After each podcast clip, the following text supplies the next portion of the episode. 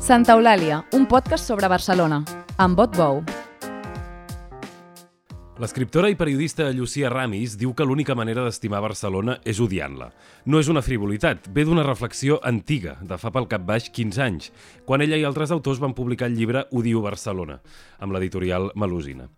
Allà Ramis hi escrivia «Després de la campanya del Posa't guapa, començava la de la botiga més gran del món. Així és que l'evolució era clara. Si s'havia maquillat amb la intenció de vendre's, llavors significava que Barcelona era una gran madame que ens prostituïa a tots. Aleshores els van dir de tot, els autors, i encara avui passa. Ara, diu Ramis, gairebé cap d'ells ja no viu a la ciutat. Però ella sí, ella fa 26 anys que s'hi queda, i s'hi queda com si no se'n pogués anar, tot i que l'odi continua. I parlem de cultura, d'habitatge, de turisme i de la seva ciutat natal, Palma. Tot seguit, a Santa Eulàlia. Llucia Ramis és periodista i escriptora. Llucia Ramis, benvinguda a Santa Eulàlia. Moltes gràcies. Gràcies per venir, ens fa molt, molt contents tenir-la aquí. Uh, comencem per aquest llibre que signava l'any 2008 amb uns quants autors que es deia Odiar Barcelona, ara, ara en farà 15 anys. Uh, abans de fer el diagnòstic de la Barcelona actual, que l'acabarem fent, quin, en aquell moment, que era tot just l'esclat de la crisi econòmica, quins eren els, els, les raons per odiar Barcelona o almenys eh, que, que suscitaven aquest malestar, quines eren? Crec que eren els mateixos que ara, el que passa és que no havien començat a desenvolupar-se, o en tot cas a nosaltres ens cridàvem molt l'atenció, no? que era sobretot l'habitatge, que ens complicava molt la vida els que en aquell moment teníem 30 anys, eh, la dificultat, eh, la gentrificació que era evident, mm, per mort de, dels vols, eh, per, pel turisme de masses més que pels vols low cost, no? bueno, que venen, venen junts una cosa amb l'altra, i aquesta sensació de que a la, a la ciutat li faltava faltaven infraestructures per acollir tota la gent que venia de turista no? a, a Barcelona i que es pensaven que venien a una ciutat molt més cosmopolita del que en realitat era o que nosaltres ens feia l'efecte que era. I, a més a més, eh, havia fet fortuna aquell eslògan que es deia Barcelona posa't guapa, que a nosaltres ens semblava una bona metàfora del que era Barcelona, no? Era una, la primera influencer, era una ciutat que es posava guapa pel que venia de fora, però en canvi no estava cuidant el seu resident, no, no, no, no tenia molta cura de la gent que hi vivia. I això feia doncs, que es veia um, amb les façanes, no? que se conservaven les façanes de les cases de l'Eixample, però en canvi tot el que hi havia darrere ho esbocaven per, per fer pisos nous, per, per fer pisos turístics, de fet, moltes vegades. No? I ens semblava que era una molt bona metàfora del que passava a la ciutat ciutat, ja et dic, o sigui, fa 15 anys, eh, i que crec que era el, el començament de tot el que ha continuat passant fins en ara. Una, en una altra novel·la seva, bueno, en una novel·la seva, de fet, que es diu Coses que et passen a Barcelona quan tens 30 anys, hi ha un personatge que, que parla de, de Barcelona com un... Com, fa com una metàfora amb la cirurgia estètica, no? Sí. I es demana quina part del cos, quina part del cos seríem, seríem de Barcelona. Sí. sí, sí, sí. Era aquesta cirurgia estètica que fa que mm, en aquell moment moltes dones se'm semblassin totes perquè tenien el mateix tipus de cirurgia no? i la cara era la mateixa, ara també s'hi podria afegir a Mickey Rourke en, en, aquesta, en aquesta comparació, i era aquesta, aquesta imatge d'una ciutat que intentava imitar totes les altres, no? Eh, i volia reflectir-se en ciutats importants com, com París o Londres o Nova York, però no era ni París ni Londres ni Nova York. I, i en comptes d'admetre un altre tipus de, de, de personalitat o admetre la pròpia personalitat, el que intentava era, doncs això, no? operar-se per, per semblar una altra cosa, no? I això feia que el que la coneixia deixàs de conèixer-la i Mm. comences a veure una altra, una altra persona, no? És com quan veus a la teva mare, que la tens completament... Eh, no? Té una cara determinada i la reconeixes tot d'una, de sobte aquella persona et sembla una persona diferent, no? I, i una mica, eh, doncs, era aquesta sensació. També a, a Odio Barcelona el que apuntava jo era que, que era la gran madame, perquè t'atreia amb, amb falses promeses d'èxit i de, i de benaurança i, i a l'hora de la veritat el que, el que feia una mica era doncs, eh, prostituir-te no? perquè, perquè et però venguessis. És això, és, eh, eh, diu, vostè diu la gran madame que ens prostituïa a tots. Sí. És a dir, que, la- però que, que, que no és només la metàfora de, de, de, de la ciutat com a, com a prostituta o com a prostituïda, sinó que, que és del, dels, seus, dels seus ciutadans. No? Sí, sí, crec que tots volen fer-ho bé ràpidament o pensam que podrem tenir una, una situació determinada. Ens promet que serà així, ens promet que aconseguirem grans coses i a l'hora de la veritat el que fa és precaritzar tot el que toca, no? o tot el que intenta eh, doncs, eh, viure d'una manera normal i corrent en una ciutat mm-hmm. que cada vegada és més difícil de viure, eh? cada vegada és més difícil d'evitar.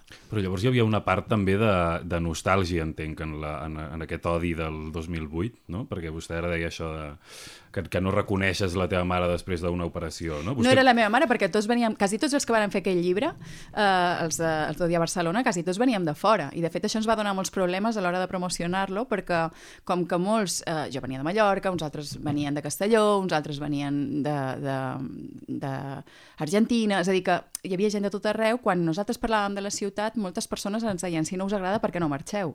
És a dir, que no ens permetien quedar-nos a la ciutat. O sigui, havies de tenir una...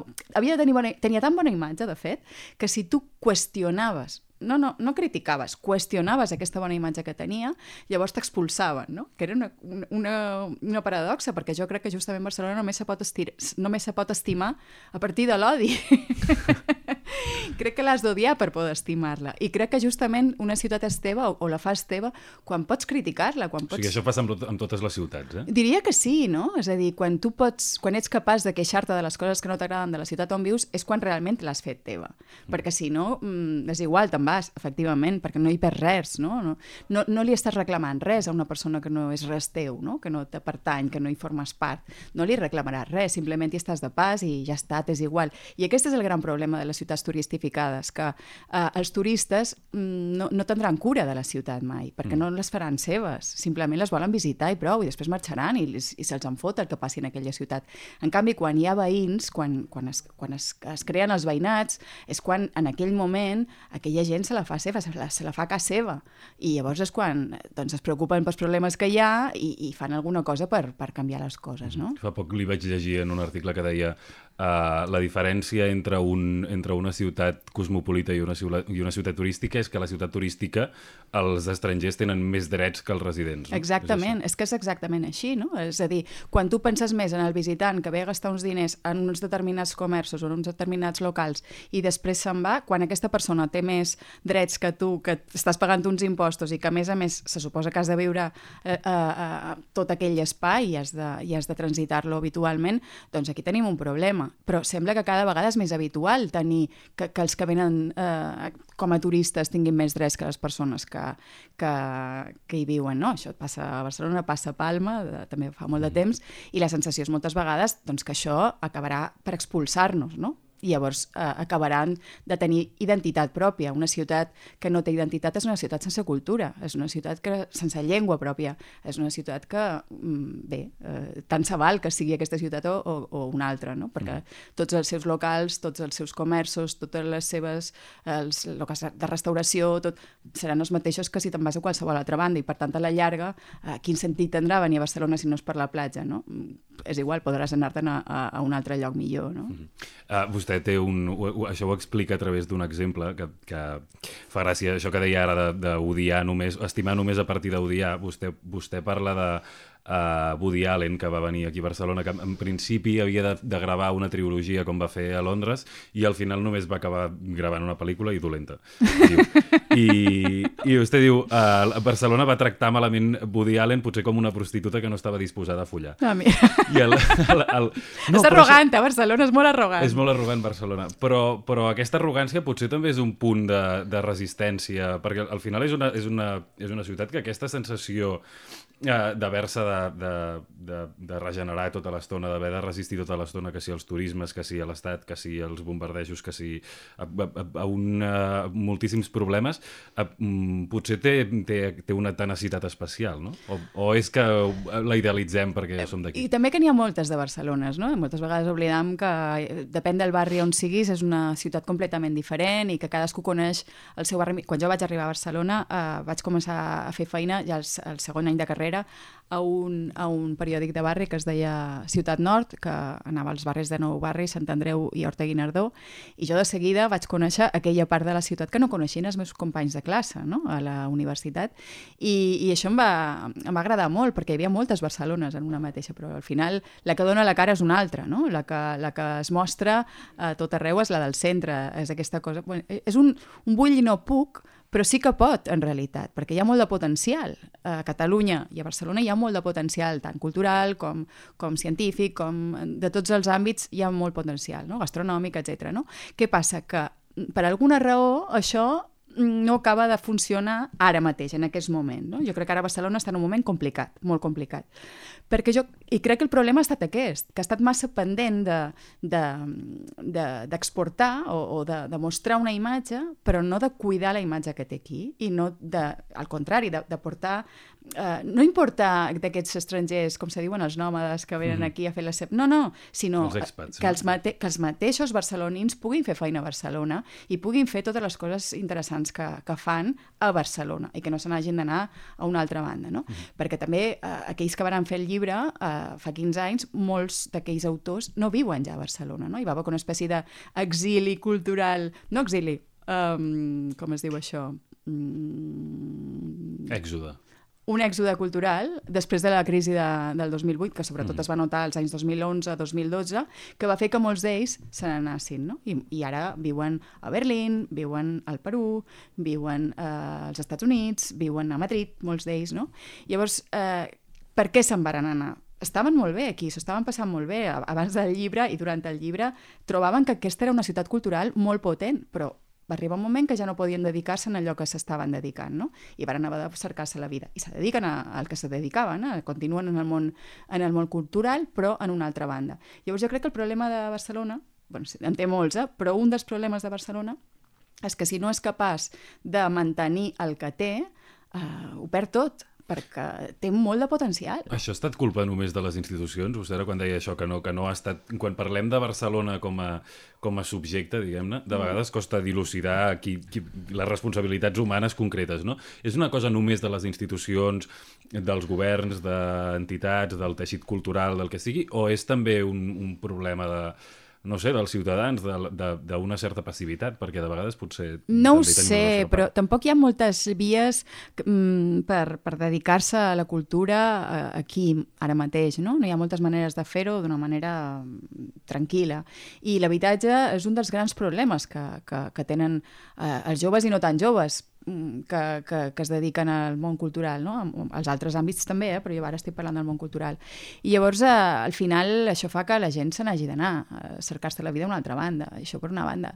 I després, eh, tampoc hi ha hagut... Eh, és que mm, tampoc m'agrada dir-ho així, però trobo que li falta, li falta eh, molta interacció a tots els àmbits culturals. No? A Barcelona falta com que hi hagi més cos. Hi ha moltes, eh, molts creadors, hi ha molta força eh, inicial, però després hi ha poca... Poc... Poca cooperació. O, o que, poc acompanyament. No, és a dir, com és que el món del teatre i el món del cinema van per àmbits diferents i el món de la música va per la seva... Va per la seva no? és, és a dir, com el món del llibre té el seu camí, el món de... Cada, cada espai, no? la, la música de l'auditori, els músics de l'auditori no van pels mateixos llocs que van... O sigui, no hi ha, no, no hi ha com, a, com a una connexió entre tots els eh, factors o tots els actors culturals, això d'una banda, i després tampoc trob que hi hagi un acompanyament a les persones que es dediquen a això. No? Potser eh, s'apremien els, els, eh, els, els nous talents en un moment determinat, però després no hi ha tant eh, una, un, un circuit per fer-los um, per, per mantenir-los a la ciutat, no? I al, al final el que fa la gent és anar-se'n, no? Anar-se'n a triomfar fora, que està molt bé, eh? que no dic que no, que no hagi de ser així, perquè també és una manera d'exportar talent, però al mateix temps... Però aquí toquen, més, aquí toquen sostre més aviat. Uh, sí, dona aquesta... Dona, o, o toquen sostre, o és que no hi ha res més, o, o, falta, o faltaria alguna cosa. Trobo que se queda curta la, la ciutat per, per la gent que se dedica a la cultura, no? De, de, arriba un moment que se, se queda curta. No hauria de ser així, no? És a dir, és una ciutat prou potent, trob que com, per, com perquè no fos així, però dona, dona, dona una mica aquesta sensació. Potser té a veure amb la comunicació que té amb la resta del país, per exemple? S'estan fent coses culturals molt potents fora de Barcelona i tampoc ho saben a Barcelona, dona la sensació. I, i, però al mateix temps eh, també es queden allà mateix. No sabria com acabar, no, no sabria com explicar-ho. No, no, no s'entén, s'entén. No, em falta una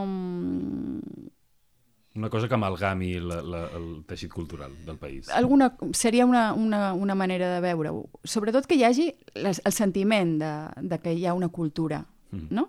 I, i no sé com dir, no, no sé com dir-ne, no sé com una cultura identitària, no sé si com una, com una cultura del país o com una cultura pròpia, no sé, no sé si cap d'aquests... Una estructura nacional. No, no ho sé, no ho sé si és exactament això, però en tot cas sí que hi hagués més comunicació. Eh? Mm, i trob que, que de vegades nosaltres mateixos no estem massa, massa en contacte per saber el que fa la resta, no? I, i això fa que eh, després si comences a pensar en noms propis te'n surten molts, però si, com, si penses en, en una, una estructura de, de cultural, doncs et costa fer-te una idea, no? Mm. I, I llavors no sé, no sé exactament què és el que falla, no?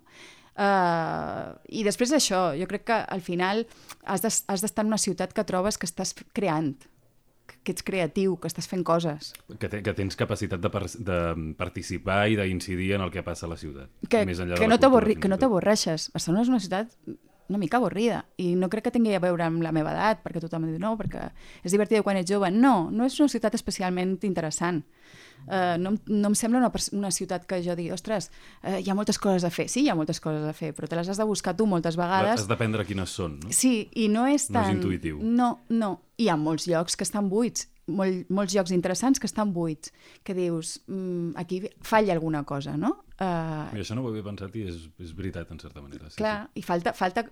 Jo crec que és una qüestió de comunicació, una qüestió d'interès, una qüestió d'una riquesa que d'alguna manera se'ns escapa no, no sé si són les institucions, no sé si és la, aquesta idea de, de cultura pròpia o la falta d'aquesta idea de cultura pròpia, no sé exactament què és el que falla, però trobo que eh, es queda en una ciutat petita. Mm. Podria haver estat molt gran i, de moment, no, jo crec que com a, com a capital cultural ara mateix no està passant per un bon moment. El, el 2017 escrivia això que encara odiava Barcelona. Uh, no sé si ara encara l'odia, entenc, entenc pel raonament que sí, conceptualment, però amb, amb aquesta sí que sens dubte s'ha posat de moda s'ha posat més de moda odiar Barcelona o criticar Barcelona o s'ha generalitzat molt més. Això creu que té alguna cosa a veure amb el procés? No. Bé, amb el moment històric. Bé, no, no ho sé, sé no ho sé, eh? No ho sé perquè al final la gent es veurà que està molt enfadada per mort d'això. Mm. Però, però jo crec que el problema de base torna a ser el problema de l'habitatge. Um, una ciutat que no es pot, en la qual no, no, no s'hi pot viure, uh, és una ciutat que, que, que, és, que, que és desagradable, és una ciutat poc acollidora, com, no? és una ciutat que t'expulsa, és una ciutat que t'ho posa molt difícil. T'ho posava molt difícil uh, l'any 2007-2008 amb la, amb la bombolla immobiliària abans de Capatàs. T'ho posava molt difícil en aquell moment, Um, pels que venim de fora era molt dramàtica aquella situació perquè trobaves que mm, havies de tornar a casa teva, no, no, no podies anar als pares a veure què passava, no? Mentrestant, uh, o no podies um, picar-te en algun lloc a casa del teu germà o el que fos, perquè no, perquè no, no, no hi tenies ningú aquí, no? T'havies de buscar la vida com fos, o tornar a Mallorca, que clar, hi ha una mar de distància, i ara ha passat el mateix i, i, i veus que aquesta dificultat per incorporar-te a la vida adulta, per dir-ho de qualque manera, quan tens 30 anys és quan comences no? a pensar que, sobretot des de la meva generació, que pensàvem que repetiríem una mica el patró dels nostres pares i que doncs, formaríem una família, tindríem una feina estable i un pis, eh, no en propietat, però, però propi, no? podríem viure sense patir sense passar pena cada vegada que se'ns acabava el contracte perquè ens faríem fora, perquè era així, eh? era se t'acabava el contracte i deies m'han pujat 100 euros o m'han pujat... Bueno, eh, era, era molt... De sobte ja no podies mm, pagar-te aquell lloguer, no? I, I això t'estronca les expectatives que tu t'has creat amb la ciutat. Has de començar a buscar una altra vegada... Clar, has de començar a buscar una altra vegada, has de canviar de barri dins, el, dins la mateixa ciutat o, o te n'has d'anar de la ciutat. És a dir, que tu, la relació que puguis tenir amb la ciutat serà una relació conflictiva. O fins i tot tu potser com a generació encomanes a la, a la ciutat un cert uh, per entendre'ns, eh, endarreriment uh, cronològic. No te pots pots, no? Eh, clar, no pots, no pots començar res, res seriós en cap moment, Clar. no? No te pots estabilitzar mai. Totalment, totalment. I això, que pues, se podria haver resolt en aquell moment, s'hauria d'haver resolt en aquell moment, no, no es va resoldre, i al contrari, no? Ara tornem a estar, no, no, no, no com estàvem, sinó pit, encara pitjor, perquè a més a sobre ara hi ha els fons voltors, hi ha les inversions a la ciutat, etc. no? Llavors, voler vendre la ciutat com un bon producte de- d'inversió quan no és un bon producte per la persona que hi viu, eh, és una trampa mortal, perquè, perquè a la llarga el que fa és que eh, la persona que va néixer aquí o la persona que va decidir que volia viure aquí, perquè al final jo no vaig néixer aquí, el que passa és que fa 26 anys que hi visc, doncs aquestes persones sempre estem una, en una sensació de provisionalitat, no? I aquesta sensació de provisionalitat, d'eterna provisionalitat, fa que res no, no acabi de quallar. I això crec que se transmet no? en, en el tipus de... Que no dic que no hi hagi de bon moviment, el moviment és interessant sempre, però, però una cosa és que hi hagi moviment perquè tu vols, I l'altre no poder consolidar si sí que, si és el exacte, que vols. exacte. Ara té ganes d'anar-se'n de Barcelona? Puf, jo sempre tinc ganes d'anar-me. Però no se'n va. No, no, tinc, tinc això, tinc aquesta relació d'amor-odi, um, d'amor-odi que, que, que és com, sempre ho dic, eh? és com aquella parella que havia de, havien de passar la nit junts, una nit junts, dues, tres, un rotllo d'una nit, o de, jo què sé, al final passa un mes, passen dos mesos, passen tres mesos, dius que fort, no? Que sí, sí que dura aquesta història, no? I al final eh, m'he anat un parell de vegades a viure a altres puestos, però sempre he acabat tornant a Barcelona i ara és com aquella parella que t'aixeques al seu costat i dius, com pot ser que encara no m'ho puc creure, no? I, i, I no pots més, però al mateix temps ja no sabries on anar, no? és I, la inèrcia. Sí, la inèrcia i al final que, tot i que ens costa de reconèixer-nos sovint, eh, ens coneixem molt bé, no? I llavors, eh, bueno, seria una mica aquesta la relació que tinc amb Barcelona. Vostè hi ha un moment que parla de tota aquesta gent que els hi diuen en els autors d'Odiu Barcelona uh, si, si, si, si tant l'odien perquè no se'n van, els diria com de proxenetes, no? fent, fent com la comparació amb la, amb la Barcelona prostituïda. És que, clar, la, la paradoxa de l'abandonament és, és, és aquesta, no? Que en el fons no deixes de regalar la ciutat als proxenetes que, ha, que, que precisament el que fa el que els hi passa és que els hi molesten les teves crítiques i volen que te'n vagis. Clar, però al final, al final és això. Mm, És a dir, hem d'estimar una Barcelona habitable. Uh, una Barcelona que no sigui uh, per als altres, que sigui per nosaltres, no? O sigui que, vull dir, que tothom, que tothom sigui ben, mm, benvingut, però que això no impliqui que ens han de fer fora nosaltres, no? Per, per una qüestió econòmica o això, no? I llavors eh, és, és una Barcelona ara mateix molt plural, eh, però que, que, que pa, pa, té problemes greus en segons quins barris, molt greus, eh, amb un nivell de pobresa i de vulnerabilitat molt, molt, molt alta, que tot això és com si no existís, no? No entra en el debat habitualment quan es parla de Barcelona. I quan es parla de Barcelona i es parla de creuers i es parla de d'això, no? de si hem d'ampliar uh, l'aeroport i totes aquestes coses, pens, com pot ser que, estiguen, que, que, que el debat estigui aquí quan tenim persones que s'estan morint de fam no? a, la, a la ciutat i quan tenim problemes, ai, tenim persones que estan passant-ho molt malament i que sembla, bueno, mirant cap a una altra banda, no? I ara, justament, es veuen molt. Abans tot això és com que quedava una mica més amagat i ara eh, és, és molt, molt evident no? que hi ha un problema, que hi ha molts problemes a la ciutat en aquest sentit. Potser, potser és una conseqüència estètica d'aquesta Barcelona, una seqüela, diguem-ne, d'aquesta Barcelona guapa que, que, que vostè abans deia hi havia tanta necessitat de, de fer-la de fer bonica o de fer veure que era bonica que no es podia, que no se la podia ni criticar. Exacte. Aquesta, aquesta dificultat d'enfocar els problemes ve d'aquí. Sí, és possible. Si no parles dels problemes, eh, fas veure que no Sí, hi som, encara que que, no que, que continuen allà, no? I ara és vera que s'ha posat de moda com odiar-la, perquè mm, també per una política municipal que no agrada a moltes persones, també perquè és la manera de criticar doncs, aquesta gestió mm, de l'Ajuntament, perquè, bé, per molts motius, eh? no, no, vull dir, hi ha molts motius eh, partidistes en aquesta crítica, eh, però també hi ha una crítica de, és a dir, de, de dificultat de, de, de viure tranquil a Barcelona. En molts, no parlo tant de la seguretat com, com altres tipus de seguretat, no? que també fallen, uh, que també trobo molt trampós mm, enfocar uh, el tema cap a la seguretat de la, del carrer quan hi ha altres, altres seguretats que són bastant més complicades de gestionar. I llavors, uh, crec que ara hi ha com aquesta, aquesta moda eh, de criticar-la, però tot i així, encara ara, si la critiques massa o si la qüestiones, te surten persones que, que et diuen de tot, eh? I, és, I això és una cosa que no acabaré d'entendre, aquest patriotisme per la ciutat que, que ja no és... És, un, és una cosa que el nacionalisme, que també passa a Madrid, eh? el patriotisme sí, madrileny... Ciutats, sí, sí, sí, sí. Que dius, escolta, la manera justament de relacionar-te correctament amb, amb una ciutat és mm, doncs, intentar veure el que funciona, el que no funciona, el que va bé i el que no va bé, i, i, i, i no dir que tot va bé perquè te l'estimes molt, perquè això no li fa un favor a ningú, és no? que, de fet, deu ser contra... és, és una mica contraproduent, no? Perquè així es deu perdre una manera d'estimar la ciutat. Clar. També. Vostè parla, per exemple, de la d'aquest documental de l'Escorsese amb la Fran Lebowitz que es diu Fem veure que Nova York és una ciutat Sí.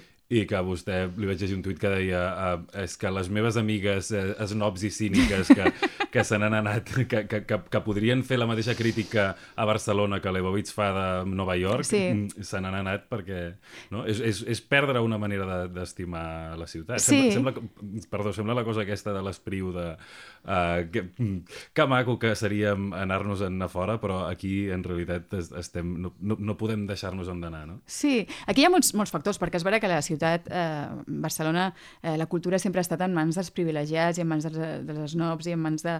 És a dir, eh, el que es, els que es mouen per aquests àmbits normalment, eh, ara està canviant la cosa a poc a poc, però realment eh, quan tu parles de les grans figures eh, culturals a Barcelona, doncs sempre són grups de, de, de, de, de privilegi, no? I, i de fet eh, tenen una, una vida que, que no és eh, exactament la vida que, que es viu a la resta de la ciutat moltes vegades, no? I això també eh, a Nova York passa una mica el mateix. I, i, i el que provoca això és que, és que sigui una, una mica de po un, un poble dins la ciutat, no? És una cosa molt provinciana, és molt, és molt endogàmica, és molt tancada, és, és molt um, llombriguista, no? que, que al Sí, sí. final pensàvem que el nostre petit món és, és el món, i no és veritat. Això passa en el món cultural i passa en tots els àmbits, en tots els àmbits eh? però en el món literari, perquè ja no, no parlaria ni del món cultural, perquè et comentava abans, falta, falta, falta comunicació, falta lligams, o falta que hi hagi una interacció entre, entre els factors culturals, però, però sí que cadascú pensa que el seu és, és tot, no? i la representació de tot. I en aquest sentit, el món literari, el món de l'edició, és, és, és, és snob, és snob mm, mm, pot ser còmicament snob, pot ser cínicament snob, eh, els meus amics eren més aviat cínics que no pas còmics, però reiem molt i ens en fotíem una mica de tota aquella eh, falsedat que, que, que, que estàvem representant, no? perquè érem gent menys de milaurista que feien veure que vivíem Era la nova goix divin, no? Sí, clar, exacte. Quan, eh, per què? Perquè ens donaven una copa al final de les presentacions, una copa gratis, no? Teníem beguda gratis i ja ens, dona, ja ens donava la sensació de que vivíem eh, com, com persones molt privilegiades, no? I, o, per exemple, és les festes editorials, que també hi ha menjar i beure gratuït, eh, doncs eh, te, te compraves un vestidet al Zara pensant que anaves moníssima, però anaves de gala, saps? O sigui, era com una mica aquesta, aquesta i- impostura, no? Aquesta, eh, era una cosa completament eh, al marge de, del món, dins la mateixa ciutat feien veure que érem, que érem més guais del que en realitat érem, no? El, uh, per, per, per, per, com que tenim uh, poc temps per anar endreçant els temes. Uh, quan abans parlàvem de cirurgia estètica, uh, m'ha fet pensar a vostè què li sembla la, aquesta operació de l'urbanisme tàctic de les superilles de, de, del govern de De Colau? Uh, lleig. No, Per començar. no m'agrada, no, no m'agrada, uh, no m'agrada. Trob que sí que s'ha de fer, però s'ha de fer d'una altra manera, jo ho faria d'una altra manera. Mm, queda com molt provisional, no? I ja prou provisionalitat sentim tots en aquesta ciutat com perquè a sobre mos la refreguin per, per la cara en els carrers. N'hi ha, que, hi ha trossos que han quedat bé, perquè, per exemple, el carrer Palai m'agrada com ha quedat, però després hi ha trossos que dius, ostres, és que no s'entén res. I mm, estic molt a favor de les superilles i estic molt a favor que els cotxes no... que els vehicles no puguin transitar per la ciutat. O sigui, com, vull dir, si se pogués fer així, però jo ho faria radicalment. Ja sé que no es pot, però ho- ja, ja que ho feim ho fas, ho fas de forma radical i, i, i ja, ja, s'ha- ja s'acostumarà la gent, no? Però aquesta cosa d'anar fent a poquet a poquet, mm, d'aquesta manera com sempre, com sí però no, però no acabam de... mm, que al final el que fa és entorpir encara més la circulació, la gent no entén per què se fan les coses, la gent només es queixa i està de disgust perquè és una ciutat molt incòmoda, etc. no resol res, molesta tothom, mm, no, no treu el problema principal que és la contaminació, Uh, no. I a sobre el resultat és lleig. No, no. Hi, ha, hi ha superilles que, que han quedat bé, hi ha zones que han quedat bé, però moltes han quedat, estan quedant horrorosíssimes. No? Per les pròximes eleccions vostè parlava d'aquesta dicotomia Trias-Colau com no, no només una dicotomia ideològica econòmica, política, com ni vulguem dir, sinó també generacional, no? Total. Hi ha, hi ha com, una, com, com una, una, la cosa boomer de voler tornar al passat i de creure que la nostàlgia ja n'hi haurà prou per retornar a la bonança, i com, i em fa molta gràcia l'expressió, aquesta tendència al millennial d'estimar els unicorns. No? Sí, és que és, és així, no? És, la ciutat ideal és com la veu cadascú, no? I crec que sí que serà una guerra generacional important. De fet, jo crec que la, la guerra està aquí, perquè si no, per què posen el Trias, no? És, és, aquí la, la sensació és que el Trias prometrà a la gent més gran tornar enrere per la part positiva a través de la part negativa, que és que els cotxes podran circular tranquil·lament per la ciutat, que ampliació de l'aeroport, eh, quart cinturó, etc. No? És a dir, totes aquestes bueno, que això ho diuen els socialistes, eh? però en tot cas, aquestes, aquestes coses, aquesta mentalitat absolutament anacrònica, que és d'un altre temps, que és d'una altra època, que nosaltres ens sembla com, com és possible que encara s'estiguin defensant aquest tipus de polítiques avui dia, no? És, és com, és contraproduent. Què fa?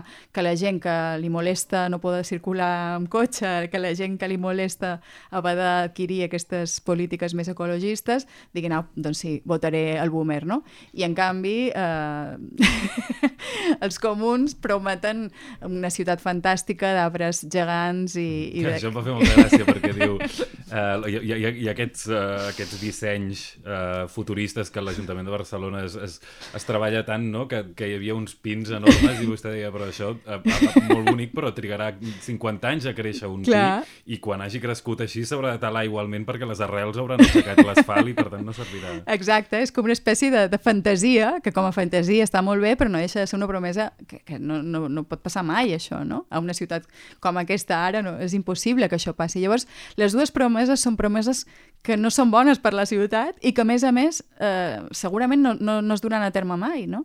Perquè no, es pot, perquè no es podrà, per una qüestió política, però també per una qüestió de, de possibilitats, és que és impossible, no? Llavors ens prometen això i al final supos que a partir d'aquí... Ja està clar eh, que sempre eh, la política se basa en promeses que malauradament no es compleixen i això genera molta frustració, però, eh, però en aquest cas és com una espècie de... de...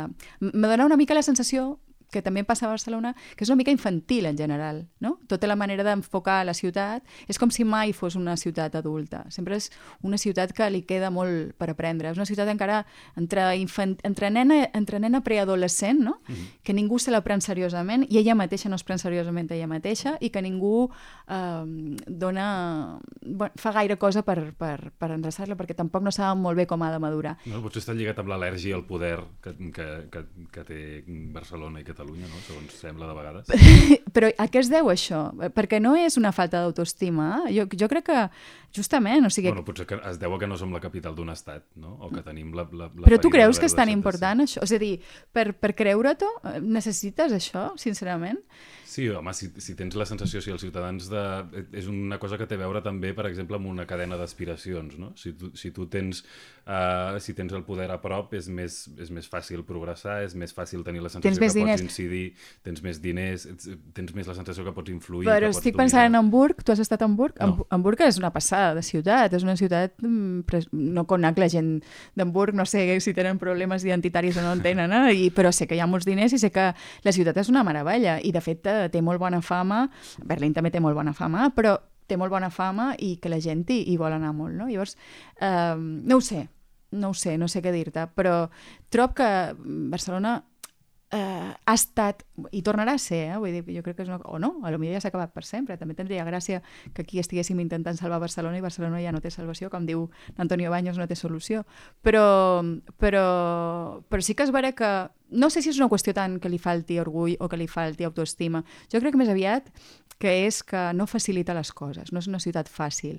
I un cop que, que ho fes tot fàcil, no dic còmode, dic fàcil, quan ajudes la, la gent que hi viu, la gent també l'estimaria més i també la gent se sentiria més, més lliure per fer una mica el que, el que pot fer, no? Que, que jo crec que, ja et dic, o sigui, hi ha molt de talent, hi ha molt, molt de talent a Barcelona, de tots els àmbits, però moltes vegades eh, falta doncs, aquesta cohesió o aquesta manera de, de portar-lo més enllà no? d'aquesta espurna inicial. Mm. Abans d'acabar, que no, no, no volia acabar sense parlar una mica de Palma. Sí. Aquesta degradació eh, que vostè veu a Barcelona, l'ha vist a Palma també? Sí. De la mateixa manera, quines diferències hi ha?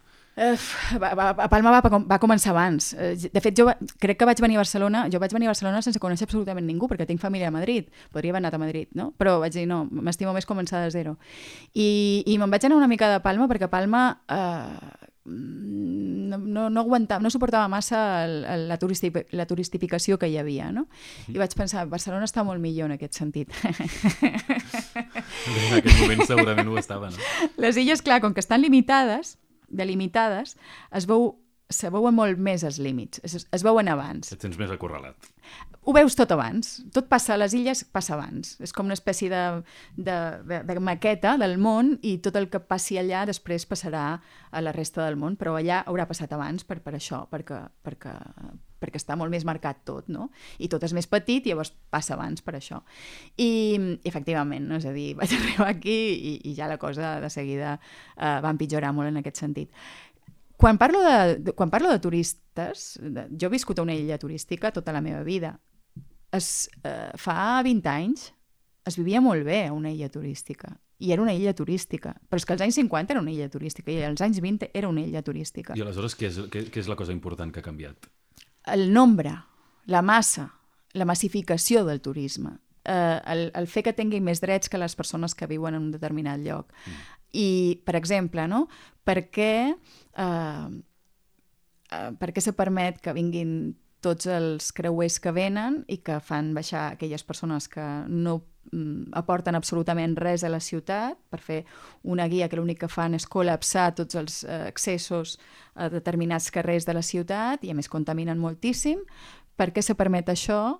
I en canvi no se'ns permet a nosaltres, això que s'ha dit tantes vegades, no? de conduir un cotxe que tingui més de 20 anys. No? Però és que més enllà del cotxe també se permet que hi hagi helicòpters al port de Barcelona, no? I, i helicòpters turístics, dic, mm. que també contaminen moltíssim. És a dir, per què el fet de, de posar diners, per què la gent que té diners Mm, d'on vinguin aquests diners, ha de tenir més drets en un sentit eh, ecologista que la resta. Per què es permet que a Mallorca vagin, no sé si són 40.000 jets privats cada estiu, eh, amb tot el que contaminen, només pel fet que els qui els porten doncs, tenen pasta. No? Per què no hi ha uns drets, és a dir, per què només pel fet de tenir diners tens uns drets que eh, el que fan és eh, perjudicar la resta del món, la resta de la societat, no? només per, per, aquest, per, per aquest factor.